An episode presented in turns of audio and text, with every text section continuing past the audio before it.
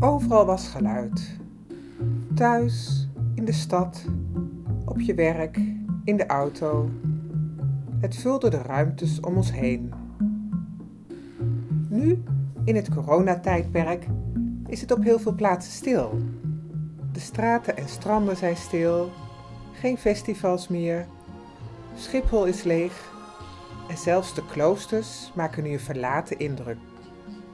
In deze speciale corona-afleveringen van Lekker Stil ga ik, Anne Staal, opnieuw in gesprek met een aantal stiltekunstenaars. Door de telefoon vertellen ze hoe ze de tijd ervaren. Is het lekker stil of ongemakkelijk stil? Samen tasten we opnieuw de grenzen van de stilte af. In deze aflevering praat ik opnieuw met Gerard Timmermans. Hij werkt op het stiltecentrum in Schiphol. Er komen bijna geen vluchten meer op Schiphol. En Gerard noemt het. Schiphol is een, is een surrealistische plaats op dit moment. Voorheen was de uitdaging om de stilte te vinden in een hal met duizenden mensen. Maar nu, met de stilte om je heen, is het net zo goed een uitdaging om de stilte in jezelf te vinden. Ik denk dat die stilte altijd gezocht moet worden. Om telkens weer die stap per dag te maken van en wat kan ik betekenen in deze setting waar ik nu ben. Luister naar deze tweede podcast met Gerard Timmermans, die toen we het gesprek opnamen net in quarantaine was gegaan. Nou, fijn Gerard om je weer te spreken. Ik denk een half jaar geleden hebben we de podcast opgenomen over uh, stilte uh, in Schiphol. Nu is de coronacrisis al aan de gang. En ik zou graag van jou horen, hoe is het nu met jou en hoe gaat het nu, wat is stilte voor jou nu? Ja, stilte voor mij is toch een, uh, een, bijzondere ervaring. Zeker als ik mezelf een, zeg maar een vrijwillige quarantaine heb opgelegd. Dat wil zeggen, ik heb hele lichte verschijnselen. Waarvan ik in normale omstandigheden niet het idee zou hebben om thuis te blijven.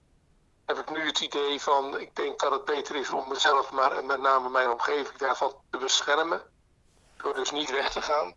Mm-hmm. En uh, tegelijkertijd de stilte die dat met zich meebrengt. Want je wordt natuurlijk steeds verder op jezelf teruggeworpen. Uh, ja, roept een vraag op van goh, hoe ga ik daarmee om? Ik ben een man van structuren.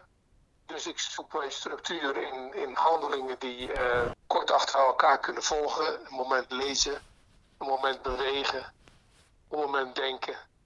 Ja, dus de, door de structuur is het makkelijker om ook stilte toe te laten of de leegte toe te laten?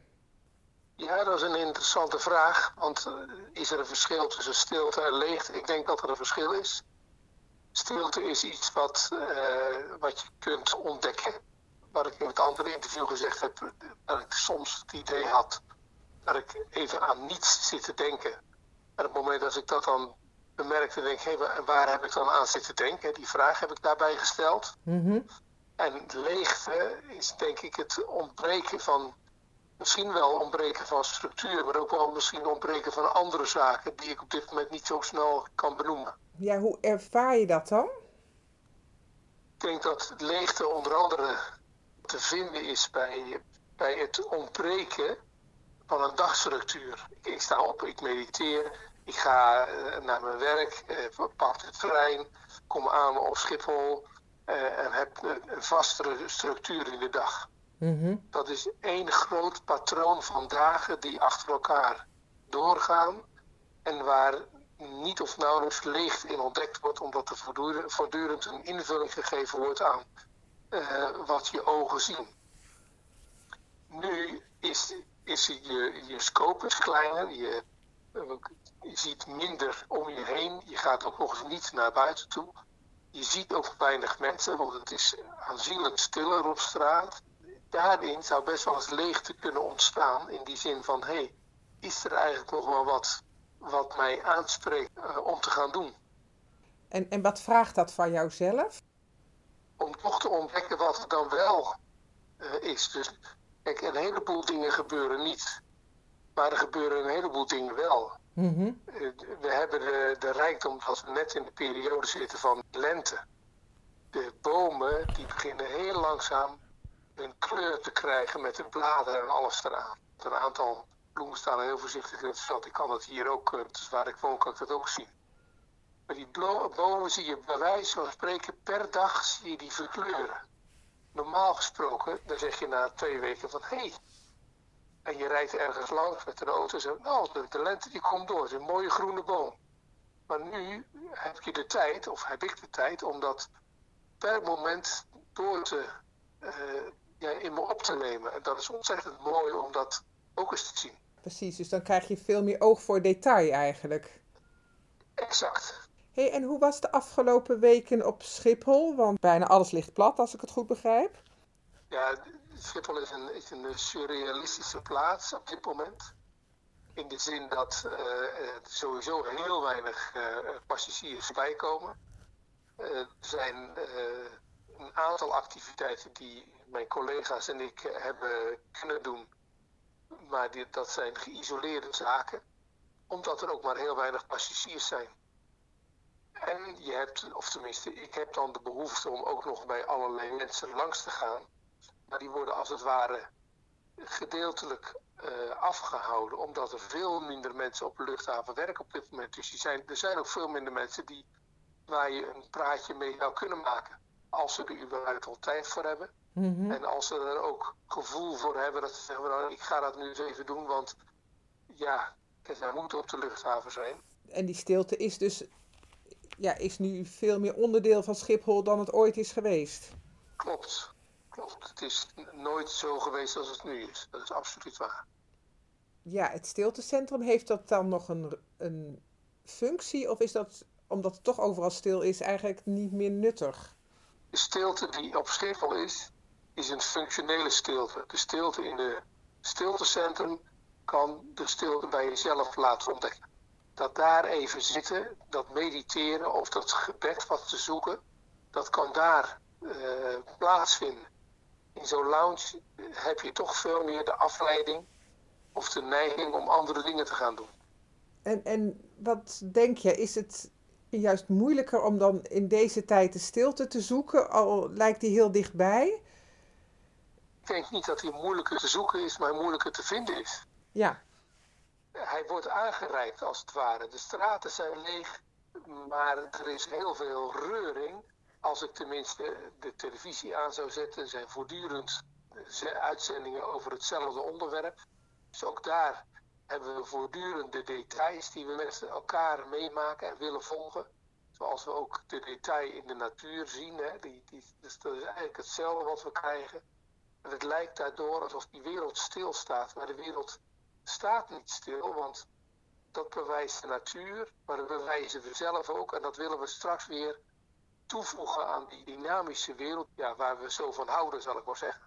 Ja. De stilte die daar nu aangereikt wordt, mag ik hopen dat, dat, dat we gebruik hebben gemaakt van die stilte door naar onszelf te kijken als het weer dynamisch gaat worden. Hoe wil ik daar dan weer mee omgaan? En, en wat zou jij dan suggereren aan mensen om nu die stilte te zoeken voor, voor in jezelf? Dat is, het wijkt niet af nu of als het heel druk is. En ik denk dat die stilte altijd gezocht moet worden. Om telkens weer die stap per dag te maken van wat kan ik betekenen in deze setting waar ik nu ben. Of het nou in een hal is met 200.000 mensen die daar eh, per dag doorheen gaan, of in een hal waar er maar 10.000 per dag doorheen gaan.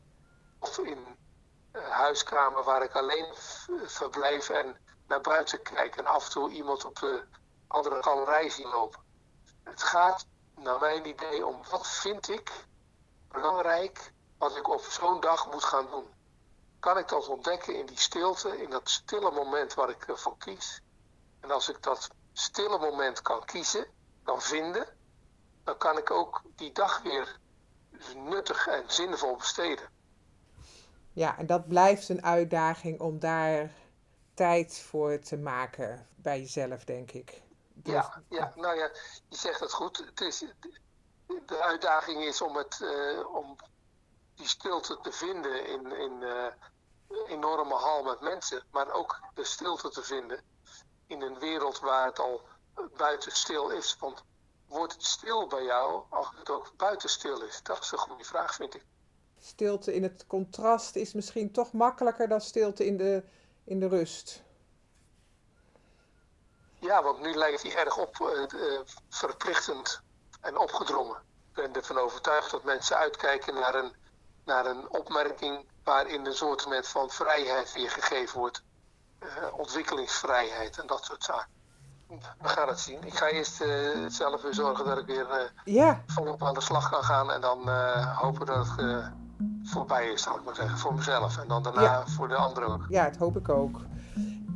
Je hoorde het telefonisch gesprek met Gerard Timmermans rondom de stilte op Schiphol. Wil je horen hoe Gerard normaal gesproken door de drukke hal in Schiphol loopt? Luister dan naar de andere podcast van Lekker Stil. Natuurlijk heb ik op Schiphol ook een uur stilte opgenomen. Er zijn ook andere stiltekunstenaars, opnieuw geïnterviewd over stilte in coronatijd. In mijn andere podcast van Lekker Stil hoor je deze mensen en anderen over de kracht van stilte, de pracht van de ochtendstilte en of je stilte nou zoekt in jezelf of stilte om je heen. Veel plezier!